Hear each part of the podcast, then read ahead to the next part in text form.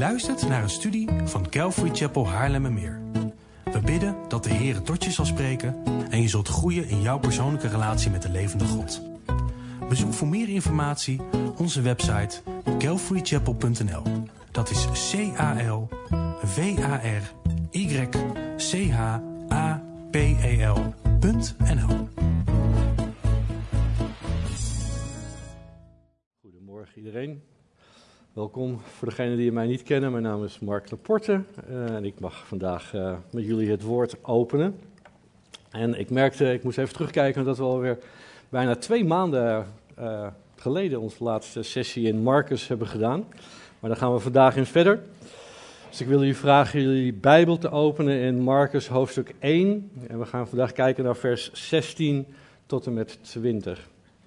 En misschien terwijl je dat doet, even het geheugen opfrissen wat we tot nu toe in de eerste 15 versen een beetje bekeken hebben.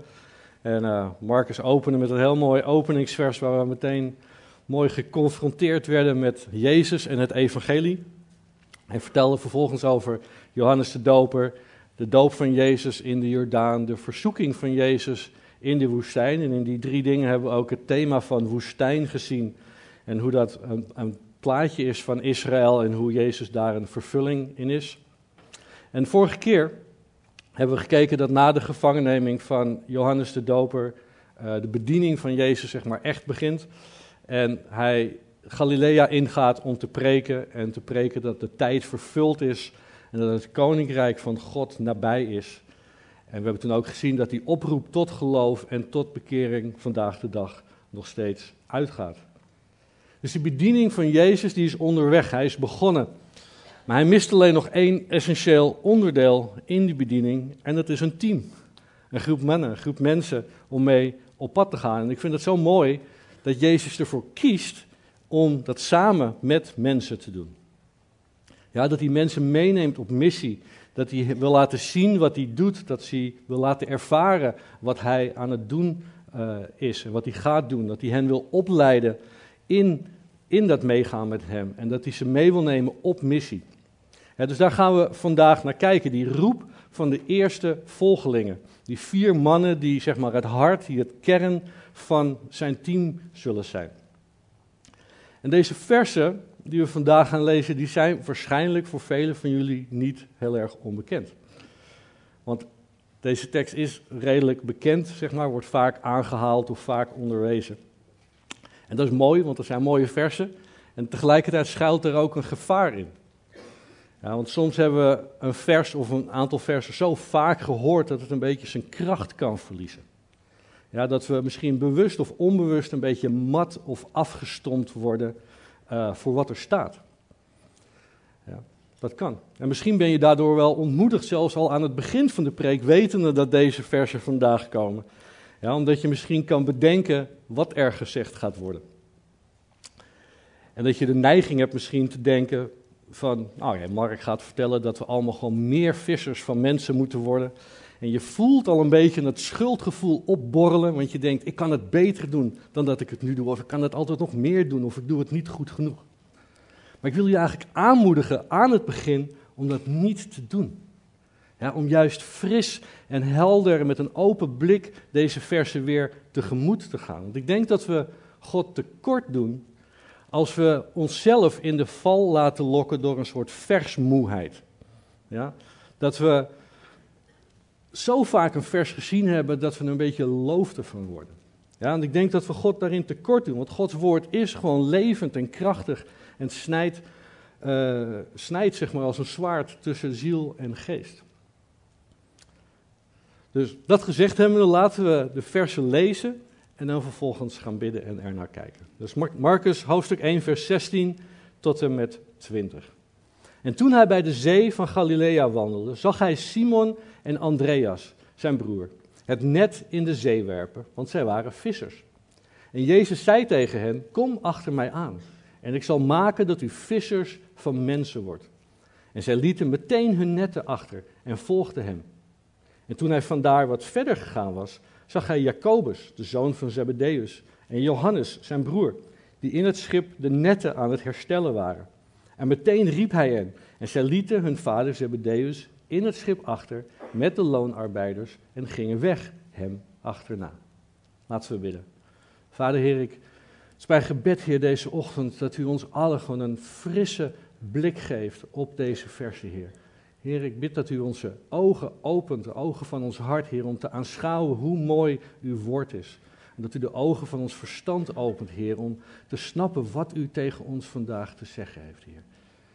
Heer, ik bid u dat, dat u dat doet voor een ieder van ons, Heer. Dat u ons uh, uw stem laat horen, Heer. Dat u tot ons hart spreekt, dat u tot onze gedachten spreekt, Heer. Om ons te, te vormen en aan te moedigen, Heer. Ik bid dat in Jezus' naam. Amen. Misschien is het herkenbaar. Um, misschien dat vele van mensen jullie dat hebben. Misschien jullie ook. Dat heel veel mensen lijken een beetje op een soort autopilot te leven. Ja? In, in de zin van dat hun routine van dag tot dag, van week tot week en misschien wel zelfs van jaar tot jaar niet heel erg veel afwijkt. En begrijp me niet verkeerd, ik zeg niet dat daar iets mis mee is, dat is gewoon een veronderstelling. Ik denk ook dat het voor ons gezin ook zo geldt. Ja, er zit niet zo heel veel variatie in onze week, uh, in ons ritme van school en van werk en al dat soort dingen. We hebben een vaste routine en volgorde van ontbijt. En wat we op welke dag en welke avond doen, is per week redelijk vast en hetzelfde. En dat is niet zo gek, want we hebben vaste of redelijk vaste werktijden, schoolgaande kinderen. Uh, misschien sport je op een vaste dag of sporten je kinderen op een vaste dag. Je hebt op een vaste dag fellowshipavond, je gaat op een vaste dag hier zitten. Uh, misschien ga je ook op vaste tijdstippen naar bed en sta je op vaste tijdstippen op. Ja, dus het is logisch dat we een, een redelijk vaste routine hebben. En een goede vaste routine is ook goed. Zolang het een goede routine is natuurlijk. Hè? Want ons lichaam houdt er ook van als we een goede routine hebben. Ja, als we goed slaap krijgen en als we goed eten en drinken en dat soort dingen. En ieder die wel eens een nacht heeft doorgehaald of een keer gevast heeft, weet precies dat een vaste routine fijn is. Kinderen hebben ook profijt van een voorspelbare dag en een vaste routine. Dus dat op autopilot leven, dat is wat uh, de auteur uh, Sir Arthur Conan Doyle, de schrijver van de Sherlock Holmes boeken, hij noemde dat de saaie routine van het bestaan. De saaie routine van het bestaan. Als ik, ik was deze versen voor vandaag aan het lezen en ik dacht, die hoofdpersonen in het verhaal, zo aan, het, aan de start van dat verhaal, zitten misschien ook wel een beetje in de saaie routine van hun bestaan. Ja, want Simon en Andreas en Jacobus en Johannes, die waren vissers en zakenpartners van elkaar, samen met hun vader, de vader van, van uh, Jacobus en Johannes, in Capernaum. En rondom, je moet je indenken dat rondom die zee van Galilea er superveel vissersdorpen waren in die tijd. Het schijnt, ik heb gelezen dat er misschien wel rondom dat meer in die tijd 16 havens waren. Ja, dus dat is best veel. En enorm veel vissersboten. Want vis was het primaire voedsel in die tijd. En de vis die ze vingen was niet alleen voor de lokale markten, hè, voor hun eigen mensen en voor hun eigen dorpen, maar die vis werd zelfs geëxporteerd helemaal naar Egypte en naar Syrië. Zeg maar. Dus ze waren echt hard aan het werk. Dus die vissers in die tijd, die werkten gewoon dag in, dag uit, het hele jaar door. Zomer, winter, maakt niet uit. Ze waren op het water die vis aan het vangen.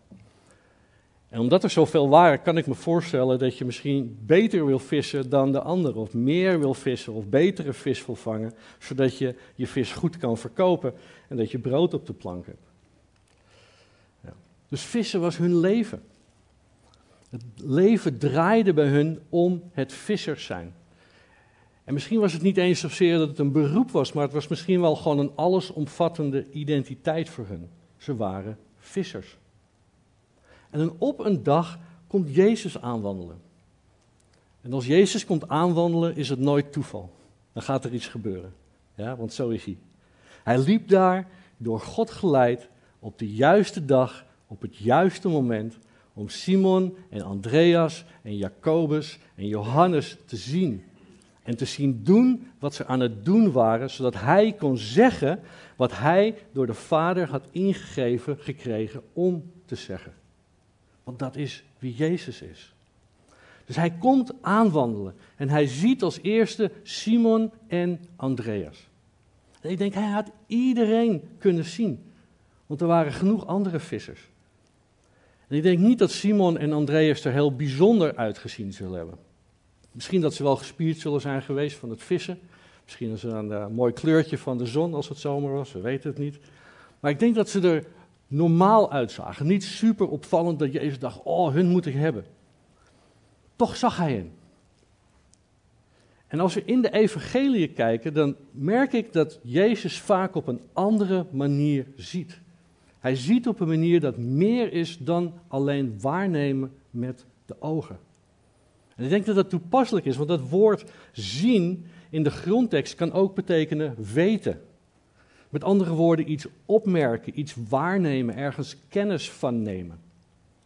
Dus Jezus ziet Simon en Andreas en later Jacobus en Johannes. Net als dat hij eerder in Johannes Nathaniel onder de vijgenboom zag. Net zoals dat hij later Matthäus ziet en hem roept.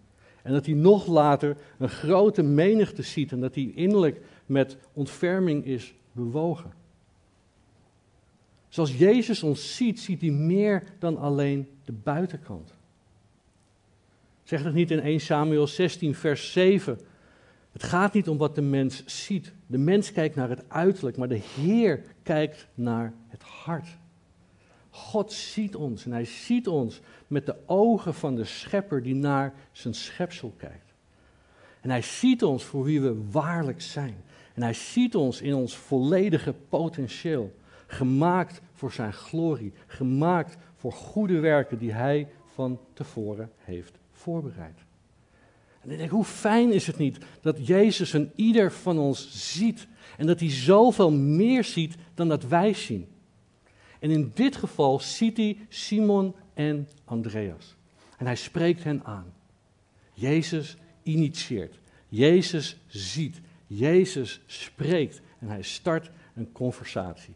En we lezen in vers 17 dat hij zegt: Kom achter mij aan en ik zal, u, ik zal maken dat u vissers van mensen wordt. Ik denk dat als er een competitie zou zijn voor one-liners, dat deze een goede kans maakt om te winnen. Hij is zo heerlijk compact en misschien wel een schoolvoorbeeld van hoe je het evangelie contextueel maakt. Jezus nodigt vissers van vis uit om vissers van mensen te worden. Dat werkt ook alleen maar in die context. Stel je voor dat Simon en Andreas broodbakkers geweest waren. Wat had Jezus dan gezegd? Kom achter mij aan en ik zal maken dat u bakkers van mensen wordt. Dat klinkt heel anders. Dat, toch? Dan hebben we over een heel ander verhaal.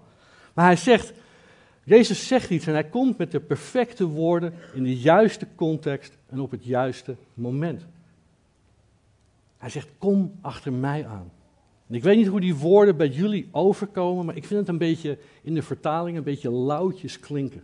Kom achter mij aan. Dat is een vriendelijke gedachte zo van, nou kom maar. Maar ik denk niet dat dat is wat er staat, want hij spreekt in gebiedende wijs. En hij spreekt met urgentie. Hij zegt, kom.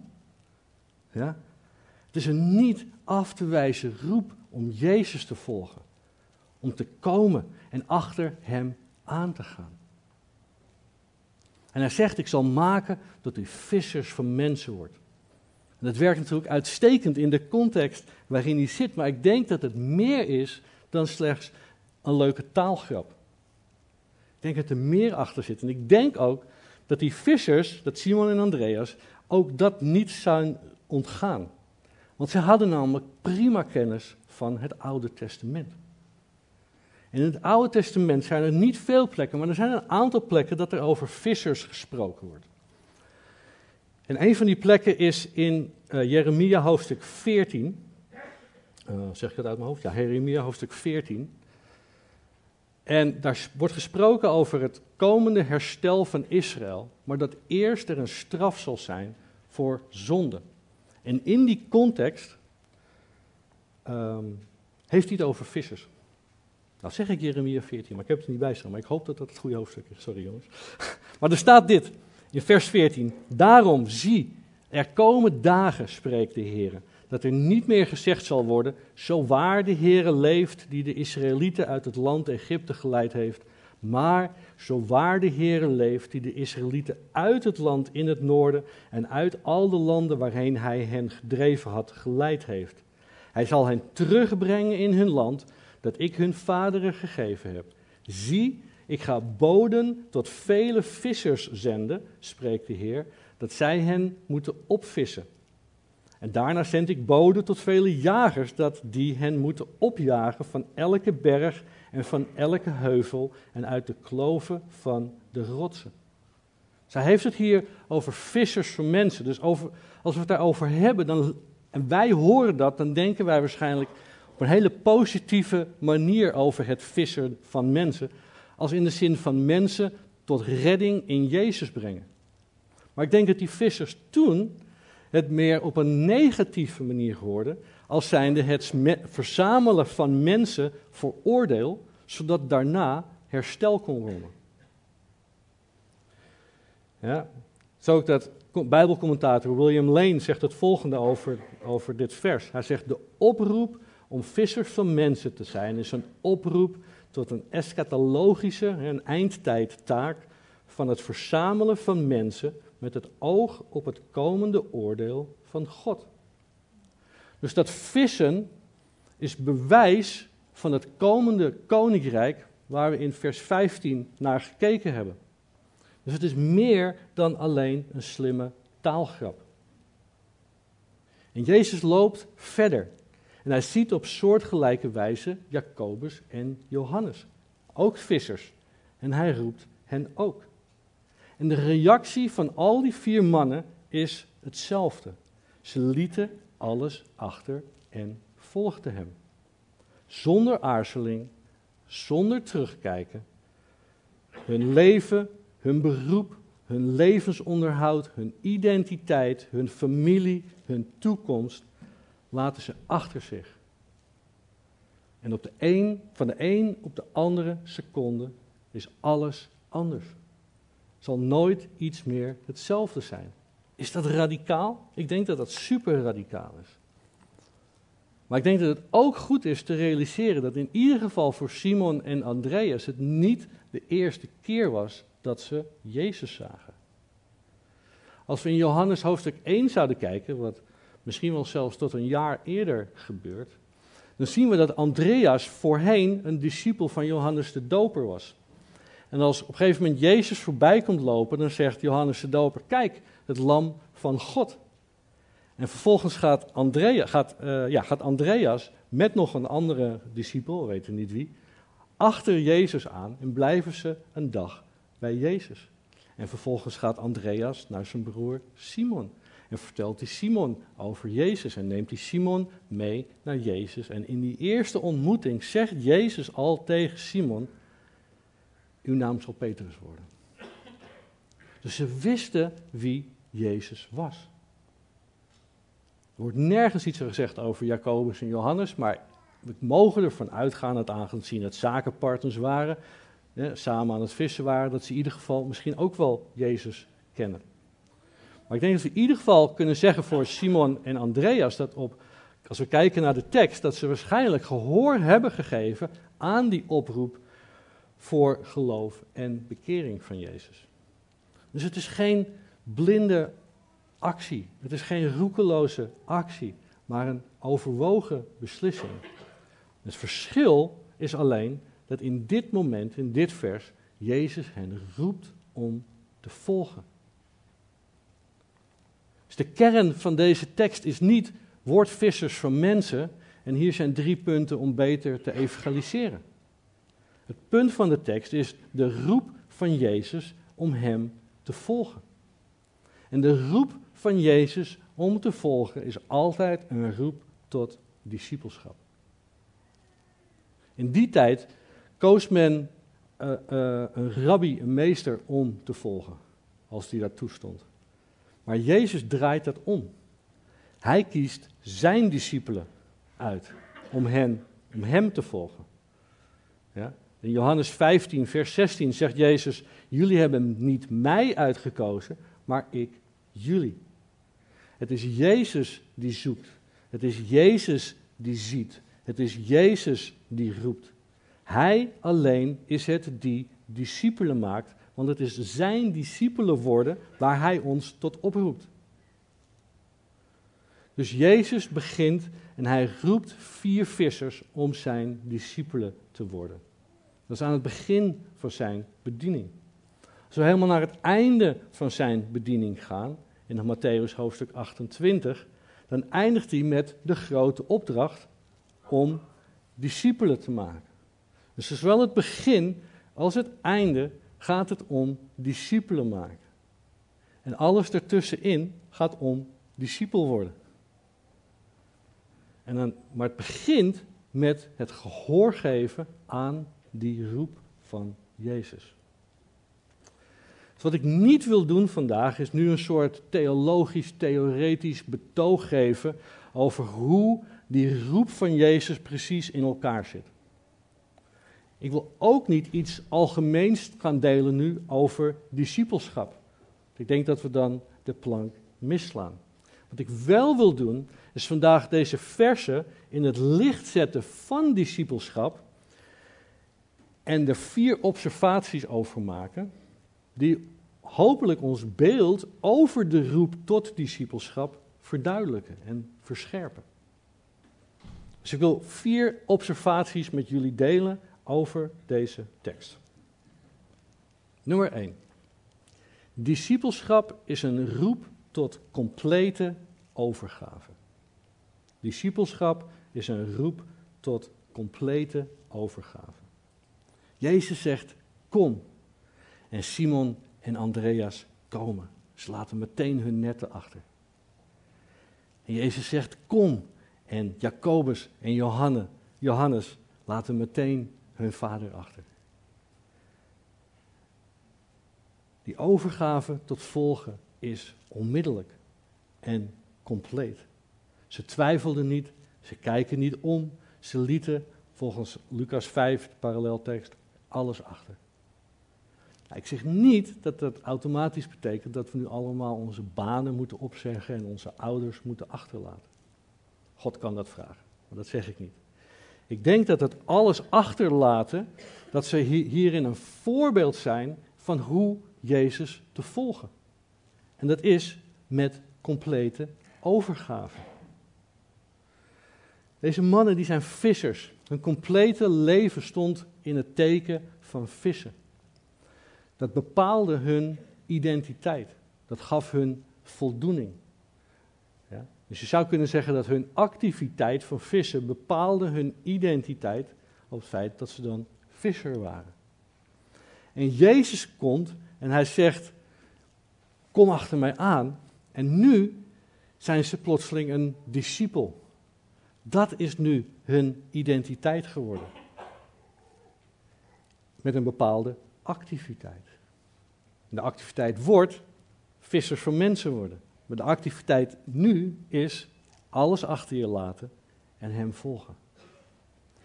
En als vissers denk ik, ik ben niet zo'n visser, maar als vissers wisten ze denk ik maar al te goed dat als dat vis in dat net komt, dan heeft dat fatale gevolgen voor de vis. Het leven van die vis is daarna nooit meer hetzelfde. Net als dat zij wisten dat als ze Jezus zouden volgen, dat daarna niets meer hetzelfde zou zijn. En ik denk dat dat ook voor ons geldt. Paulus die zegt in 2 Korinthe 5, vers 17, als iemand in Christus is, is hij een nieuwe schepping. Het oude is voorbij gegaan, zie, alles is nieuw geworden. Als we Jezus volgen, als we zijn discipels zijn, dan is het oude voorbij en is alles nieuw geworden. Dus dat betekent dat we voor Hem kiezen en niet onszelf. Dat betekent dat we Hem dienen en niet onszelf. Alles wat we zijn en alles wat we hebben is niet meer van ons. Of weet u niet dat u niet van uzelf bent? U bent immers duur gekocht, zegt Paulus in 1 Korinthe. Dus we zijn van Hem. Alles is van Hem. Dus het is niet een kwestie van in welke mate we bereid zijn om onszelf aan Hem te geven. Het is een kwestie van in welke mate we achterhouden wat rechtmatig van Hem is.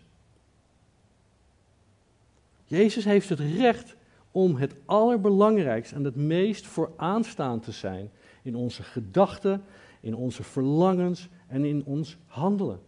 In plaats van dat we onszelf die plek toebedelen. Jezus heeft het recht om onze geest te vullen met kennis en waarheid van Hemzelf. In plaats van dat wij de regie behouden over onze gedachten en hoe we die vullen en welke waarheid we aannemen. En als Jezus zijn wil aan ons openbaart en wij kiezen ervoor om te debatteren en te beslissen of we wel of niet dat gaan doen, dan is dat niet complete overgave.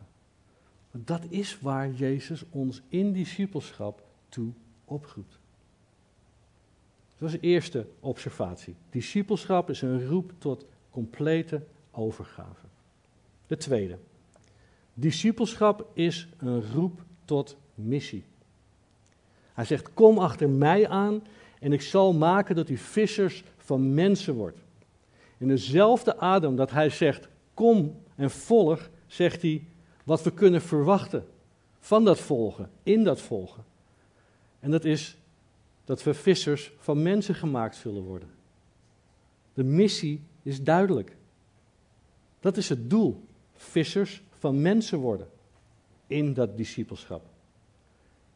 En ik vind het zo mooi dat hij niet zegt: Kom achter mij aan en u zult vissers van mensen zijn. Maar dat hij zegt: Ik zal u vissers van, maken, van mensen maken. Dat is een proces. Jezus nodigt ons uit tot een proces om vissers van mensen te worden. En dat is discipelschap. Dat proces van vissers van mensen worden is discipelschap. En de uitkomst van dat proces is dat wij discipels gaan maken. Maar het is aan ons om te volgen. Jezus gaat aan het werk in ons en met ons. Want het is God die in u werkt, zowel het willen als het werken, naar zijn welbehagen. Dus het primaire werk, onze missie, is in, dat, in die missie het onderwerpen aan God, aan Jezus, in complete overgave. Zodat hij met ons aan het werk kan.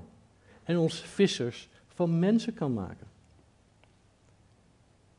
Neem tegelijkertijd dat we niet voorbij moeten gaan aan de prachtige beeldspraak wat hij hier maakt.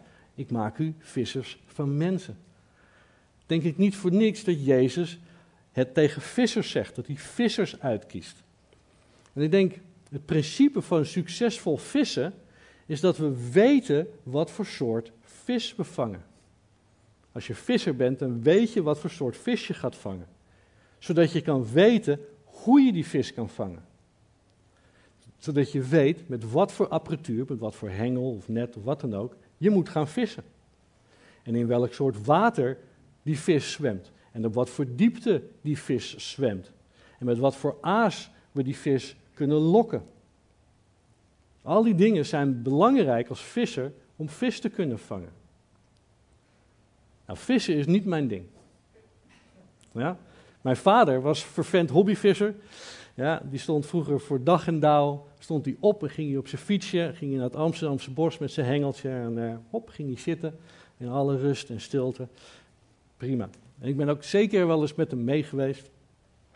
Samen met papa op avontuur is altijd top natuurlijk. Maar ik weet nog dat het voor mij altijd meer ging om het feit dat ik samen met mijn vader was. En minder om dat vissen. Ik heb gewoon geen geduld om te vissen. En als ik nu zou gaan vissen, heb ik nog steeds geen geduld om te vissen. Ja? Dus ik, vissen is niet echt mijn ding, maar het principe van vissen snap ik. En die principe van vissen kunnen we ook in onze context als missie, kunnen we die tevoorschijn toveren. Ja? Ook voor ons is het belangrijk dat we weten welke apparatuur we meepakken. En wij hebben maar één apparaat wat we nodig hebben. En dat is de wapenrusting van God. Ja. We moeten ons middel omgord hebben met de waarheid. We moeten de voeten geschoeid hebben met het evangelie. We moeten het schild van geloof optrekken. We moeten het zwaard in de hand hebben en biddend de missie aangaan. Dat is de apparatuur die we hebben. Maar we moeten ook weten welke vis we willen vangen. We moeten bekend zijn met de verloren staat van mensen. Wie zijn het? Hoe denken ze? In welk water zwemmen ze? Hoe kunnen we ze bereiken? Nou, Jezus weet al welke vissen van hem zijn. En hij zal het ons bekendmaken als we in onze missie, in dat missie van discipelschap, zijn leiding zoeken. Dan zal hij dat ongetwijfeld aan ons bekendmaken. En hoe vangen we de vis? Met het net van het evangelie. Want het woord van het kruis is voor hen die verloren gaan wel dwaasheid, maar voor ons die behouden worden is het een kracht van God. In Handelingen 4:12 staat er: Door niemand anders kunnen wij worden gered, want zijn naam, de naam van Jezus, is de enige op aarde die de mens redding biedt.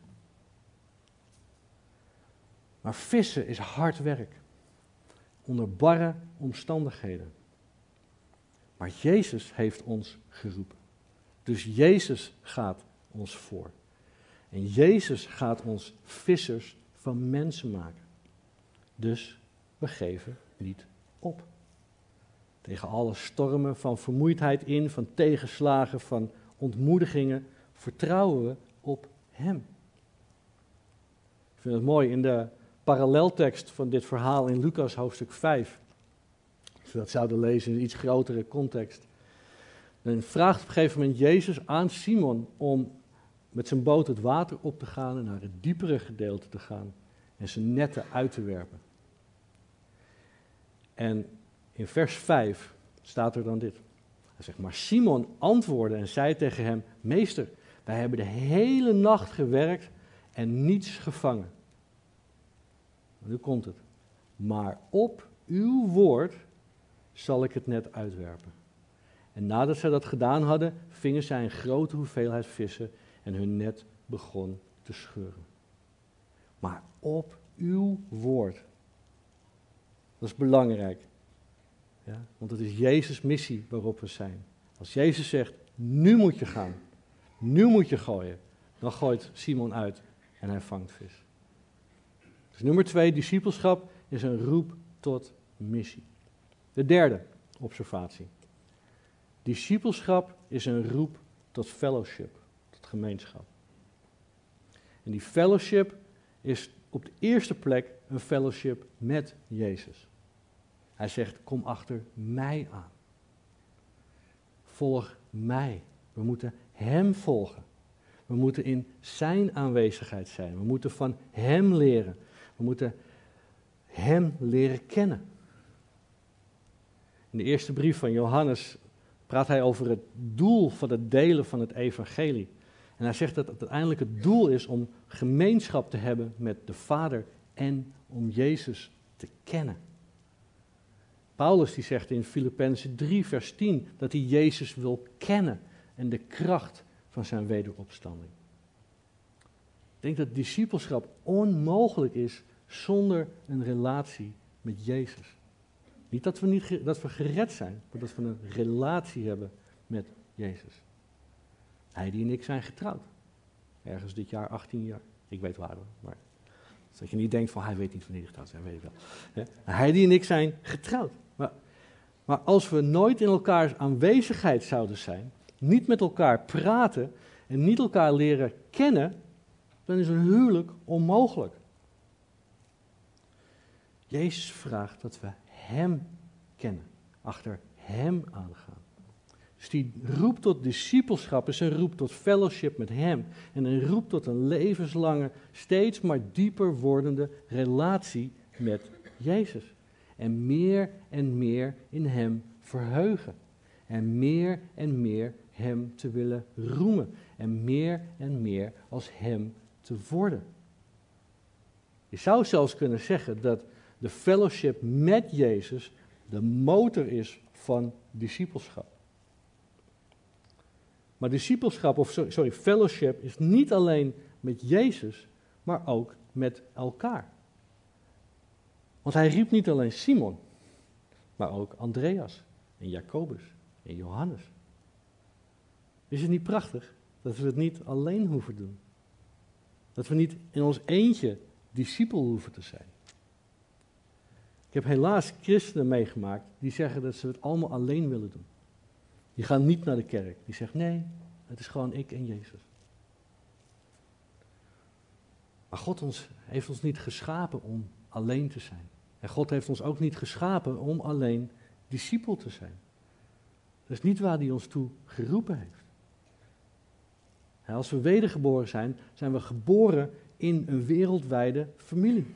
En als we naar een gemeente gaan, dan zijn we onderdeel van een familie, van een gezin. Zodat we samen met de Heer kunnen wandelen. Zodat we samen aan die roep tot complete overgave, tot die missie kunnen, eh, dat we, samen, dat we dat samen kunnen doen. Dus het is niet een tocht in je eentje in een kano op het water, om maar even in de context van water en vissen te blijven. Soms zit je in een skif met z'n viertjes. Soms zit je in een sloep met z'n twaalfen. Soms zit je in een rondvaartboot. Soms zit je misschien op een veerpont. Ja. We doen het samen. We hoeven het niet alleen te doen. We mogen Hem samen volgen. We mogen van elkaar leren. We mogen er voor elkaar zijn. En we kunnen samen groeien om discipel te zijn. Paulus zegt in Filippenzen 1, vers 27, hij zegt, alleen wandel in het evangelie van Christus, wandel het evangelie van Christus waardig, sorry. Opdat ik van uw zaken mag horen dat u vaststaat in één geest en dat u samen eensgezind strijdt door het geloof in het evangelie. We zijn samen op missie. Als we verder zouden lezen in Marcus, komen we bij hoofdstuk 6 uit op een gegeven moment. En stuurt Jezus de discipelen twee aan twee uit. Jezus geeft ons aan elkaar, zodat we samen op weg kunnen. Dat is hoe Jezus discipelschap heeft bedoeld.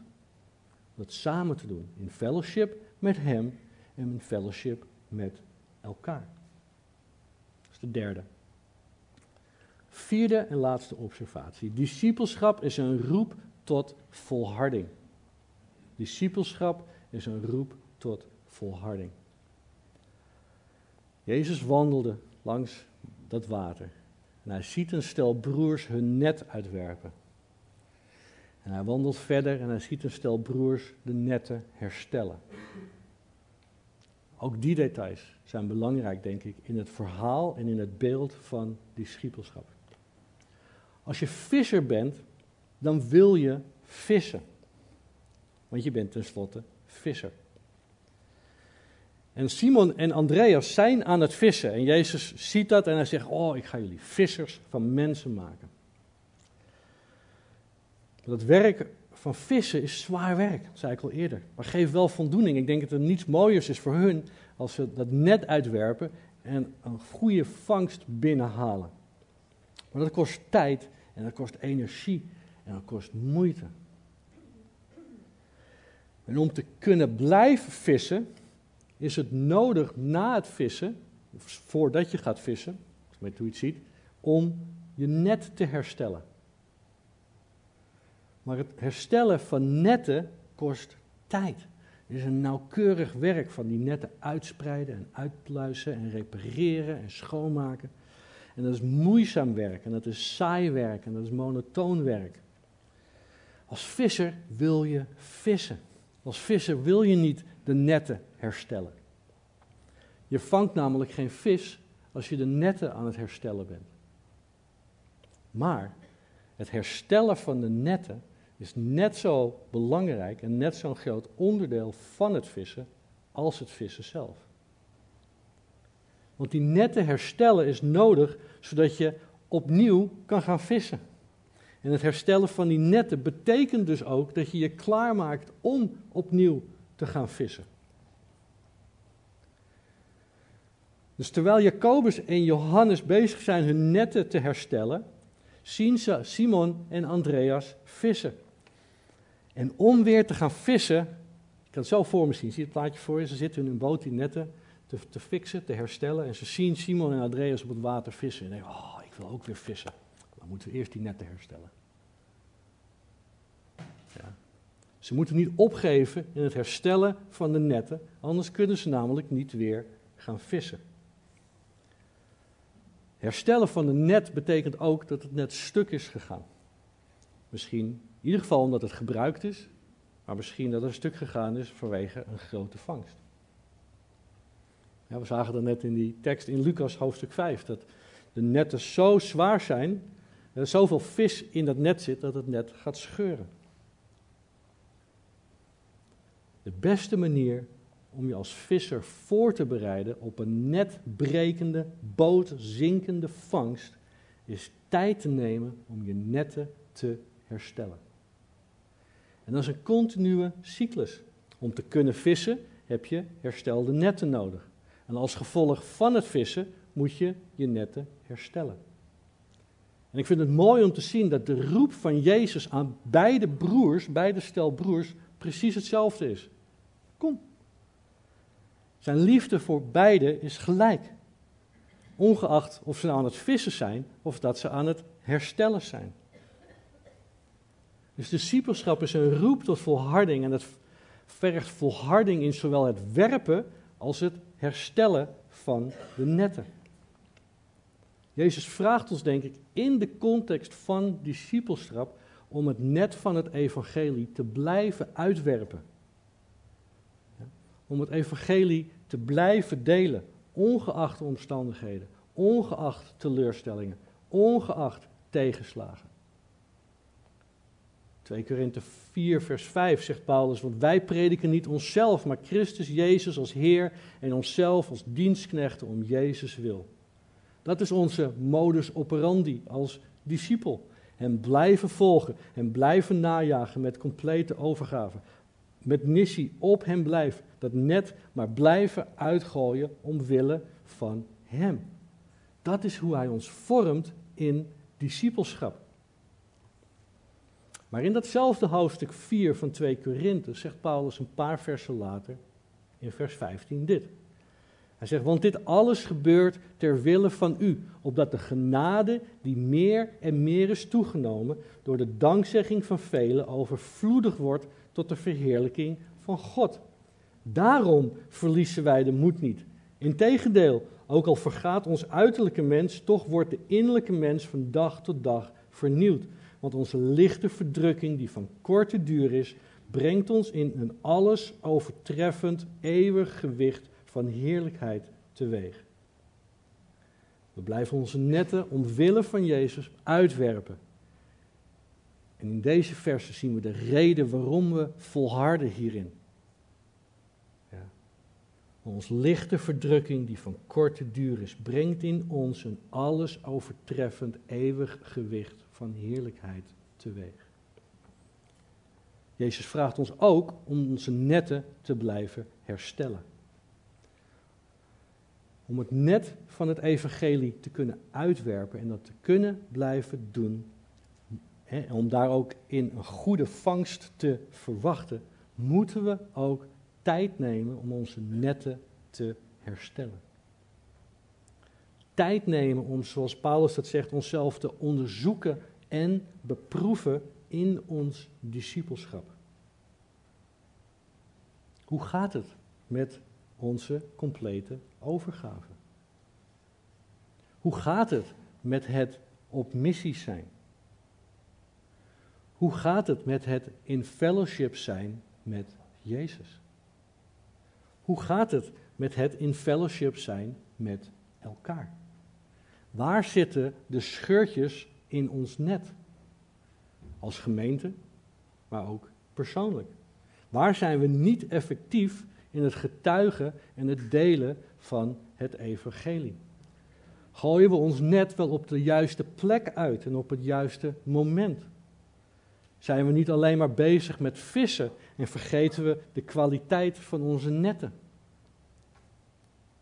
En ik weet, dat klinkt niet als fijn werk, het herstellen van de netten. Want we moeten onszelf onderzoeken en beproeven. En onszelf als, als persoon en onszelf als gemeente onderzoeken en beproeven. Dus het is niet fijn werk. En misschien is dit ook wel wat de schrijver van Sherlock Holmes bedoelde met de saaie routine van het discipelschap bestaan. Maar dat is zo nodig dat we onze netten herstellen. Het volharden in het herstellen van onze netten is wat het mogelijk maakt om te kunnen blijven volharden in het vissen. En dat is wat Jezus van ons vraagt in het volgen. Dus beide aspecten zijn nodig in ons discipelschap. Voor onze vorming van ons discipels zijn en in onze effectiviteit als discipel. Zowel het werpen van het net moeten we in volharden, als het herstellen van het net. Ik wil echt dat jullie deze versen als een bemoediging zien. Niet dat je hoort van, oh, ik moet meer het evangelie delen, ik moet meer mijn net uitwerpen. Als dat zo is, prima. Maar dat is niet wat ik bedoel. Ik wil echt dat je de bemoediging ziet in deze versen, want het is aan ons om gehoor te geven aan de roep om Hem te volgen en daarin te volharden. Ja, maar in dat volgen mogen we erop vertrouwen dat Hij met ons aan de slag gaat en alles geeft wat we nodig hebben om ons compleet over te geven aan Hem. Mogen we erop vertrouwen dat Hij met ons aan het werk gaat om vissers van mensen te maken. Want dat was Zijn taak. Het is aan Jezus om ons vissers van mensen te maken. We mogen erop vertrouwen dat Hij ons blijft aansporen om met Hem en met elkaar in fellowship te zijn.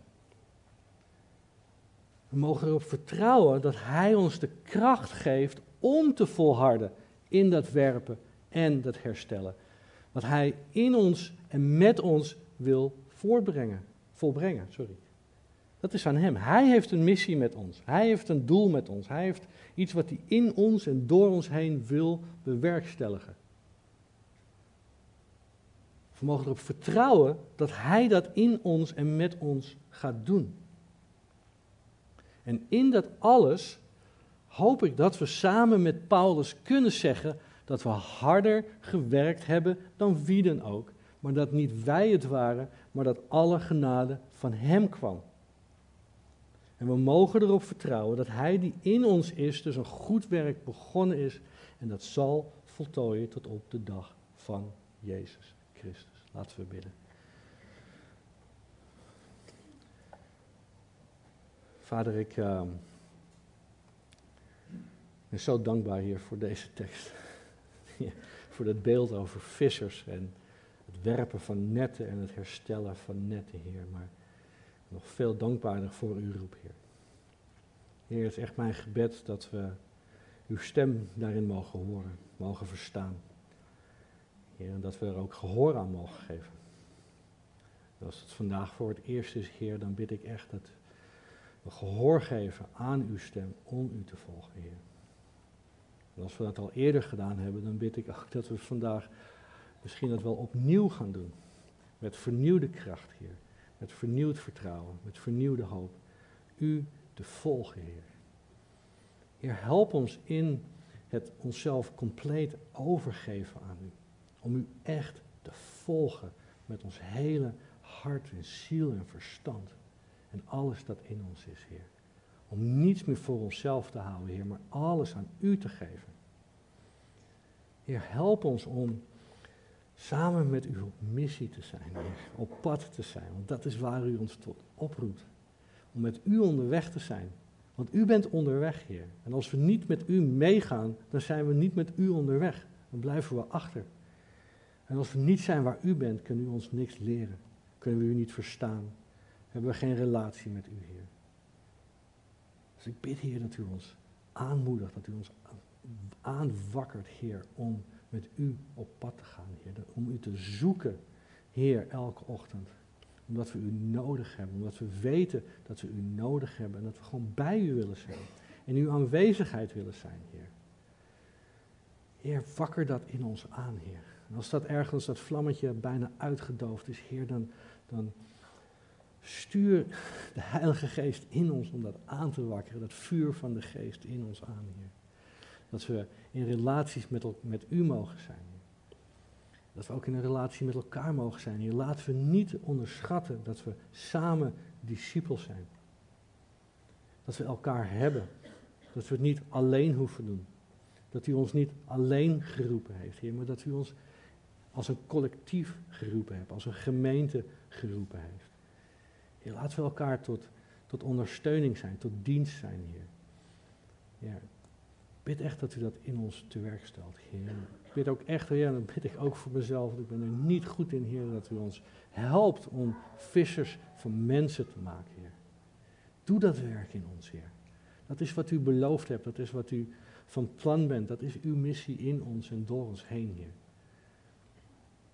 Heer, help ons om ons netten te werpen. Help ons om een getuige te zijn, om van u te prediken, Heer. Dat we niet onszelf maar laten zien, maar dat door ons heen u te zien bent voor iedereen om ons heen, Vader. Heer, maar laten we ook tijd nemen om de netten te herstellen, Vader. Laten we onszelf bevragen en onderzoeken en beproeven, Heer. Te kijken waar we nog verder kunnen groeien.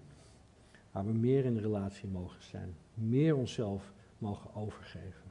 Meer op missie mogen zijn. Meer in fellowship met elkaar mogen zijn. Op een andere manier. Efficiënter, effectiever. Heer. Dat is ook belangrijk, Heer. En help ons gewoon dat te doen, dag in, dag uit. Heer, die vissers moesten dat elke keer weer doen. Netten uitwerpen, vis vangen, netten herstellen. Netten uitwerpen, vissen, herstellen. Elke dag opnieuw, Heer. Maar ook in die kleine dingen is het waar u bij ons bent, Heer. Dag tot dag, moment tot moment, Vader. Bent u met ons aan het werk? Wilt u ons in elk moment steeds meer een discipel van u maken, Vader? Heer, ik bid dat we gehoor geven aan uw roep, Heer, om u te volgen. In Jezus' naam. Amen.